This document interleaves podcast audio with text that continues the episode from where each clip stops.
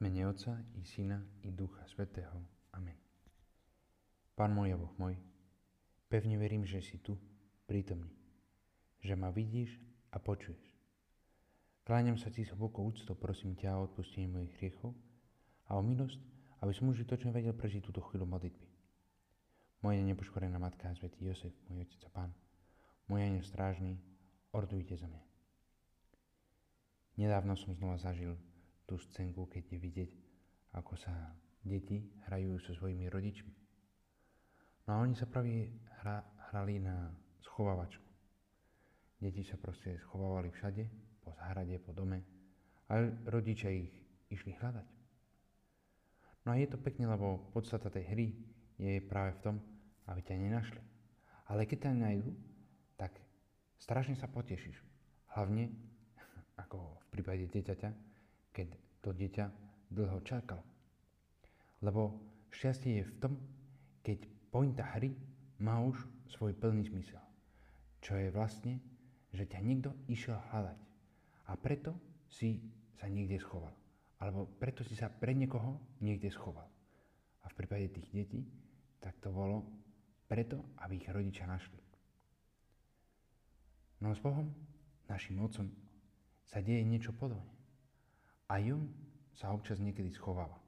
Schováva sa preto, aby sme my, jeho deti, išli ho nájsť. Alebo inak, ako nám to hovorí Ježiš v dnešnom podobenstve, hm, Boh to robí tak, že pre nás schováva celý poklad, aby sme ho išli nájsť. Píše svätý Matúš vo svojom evangeliu. Nebeské kráľovstvo zapodoba pokladu ukrytému v poli. Keď ho človek nájde, skrie ho a od radosti z neho ide, predá všetko, čo má a pole kúpi. Od radosti. Od radosti toho, že už našiel to, po čom dlho túžil. To, čo tak dlho hľadal. Ako tí rodičia, čo hľadali svoje deti a tie deti, čo boli strašne mm, potešení z toho, že ich rodičia našli. Dospelí ľudia schovávajú veci len vtedy, keď sa niečoho boja, keď majú niečo veľmi drahé, drahocené a nechcú, aby to iní vedeli nejako nájsť. Aby proste im to nikto neukradol, aby sa nikto k tomu nedostal. A potom sú takí dospelí, ktorí sa schovávajú preto, aby ich nikto nenašel. Prečo? Lebo sa boja toho, že tým, že urobili niečo zle, tak nechcú sa dostať hm, do problémov s policiou alebo za, so zákonom. Proste schovávajú sa s tým úmyslom, aby nikdy nenašli tú radosť toho ukrytého pokladu, alebo tých detí, čo zahrajú na schovávačku. Preto s Božím kráľovstvom je pravý opak. Ono je to poklad, ktorý náš Otec, Boh, schoval niekde na poli, aby sme ho my išli hľadať. Ako keď sme boli deti, aj my sme išli hľadať poklady. A keď sme ich našli, tak aký sme mali z toho radosť. Koľkokrát sa nám deje, že aj my často hľadáme nášho Pána. Často hľadáme toho, ktorý, odkedy sme boli stvorení, tak nám, nechali nám nechal zapísané v srdci, že to jediné, čo musíme v živote robiť, je hľadať práve Jeho. Jeho a Jeho kráľovstvo. Kráľovstvo, ktoré aj my máme zdediť. Prečo? Lebo sme Božími deťmi. Píše svätý Augustín. Pre seba si nás stvoril, Pane, a nepokojne je naše srdce, kým nespočíne v Tebe. Nespokojne je naše srdce, pretože aj Ty, Pane, v úvodzovkách hráš na chovávačku s nami. Chceš, aby sme ťa našli, aby sme ťa išli hľadať a našli, aby sme aj my mali to potešenie, že sme ťa našli a aby si aj Ty mal to potešenie, že sme ťa našli. Neviem, či aj Ty máš ten zvyk modliť sa každý štvrtok, štvrtok s modlitbou svätého Tomáša Akvinského, kláňam sa ti v ruci. Tam sa píše, alebo skôr modlím sa, alebo spievame. Na kríži sa skrylo samé vožstvo len. Tu i človečenstvo skryte zbožňujem. Ty si sa skryl, Pane. Ty si sa schoval. Ty si sa pre nás schoval nielen na poli. Ty si sa schoval nielen mm, ako ten poklad, o ktorom sa hovorí v podobenstve ale ty si sa schoval skôr v Eucharistii. tam nás čakáš. Čakáš nás ešte dnes. Čakáš na nás už 2000 rokov.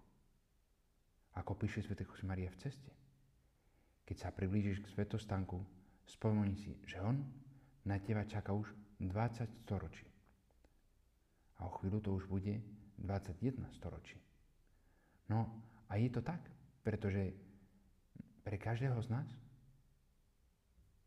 si náš Pán udelil istý termín, istý čas, aby sme ho išli hľadať, aby sme boli stvorení a dúfali po ňom, aby naše srdce nebolo spokojné, kým ho nenajde. Pre seba si nás stvoril, Pane, a nepokojne je naše srdce, kým nespočíne v Tebe. Dnes, ako každá nedela, predpokladám, že pôjdeš na omšu. A ak si ešte nebol alebo nebola na omši, tak ešte môžeš hm, urobiť predstavsatie, že keď pôjdeš na omšu, tak budeš hľadať aj ty nášho pána, ako si ho možno, ako si možno hľadal svojich rodičov alebo svojich súrodencov, keď si bol mladý alebo mladá, keď si sa hrávali na schovávačku. Boh je taký. Aj on je našim otcom. Ba, on je jedinným otcom, skutočným otcom v nebi i na zemi pre nás. A on jediný zostal pre nás naozaj schovaný v Eucharistii, aby sme ho išli vždy hľadať. Tak môžeme urobiť toto predstavstate, že keď, keď dnes pôjdeme na tú omšu, aby sme ťa, Pane, išli naozaj hľadať s celým srdcom. Aby sme aj my boli ako ten muž, alebo ako ten človek z podobenstva. Aby sme pukli od radosti z toho, že sme ťa našli. Aby sme si aj my všimli, že nielen ťa nájdeme v Eucharistii, ale že keď sme ťa tam už našli, tak potom ťa nájdeme aj v našej práci, v našej rodine, v, našej, v našich radostiach, aj v našich ťažkostiach. Proste v každej chvíli, keď sme pri Tebe. Pretože vždycky, aj keď sa schováš, tak si pri nás. Si nám stále Otcom. Si nám stále bratom. Si nám stále Duchom Svetým. Skúsme ho hľadať, kým nenájdeme poklad jeho lásky v Eucharistii. A Ježiš, keď bol malé dieťa, tak v úvodzovkách hral sa na schovávačku pred svojimi rodičmi, pred panom Máriou a pred svetým Josefom. A ostal práve u svojho otca. Ostal v chrame v Jeruzaleme.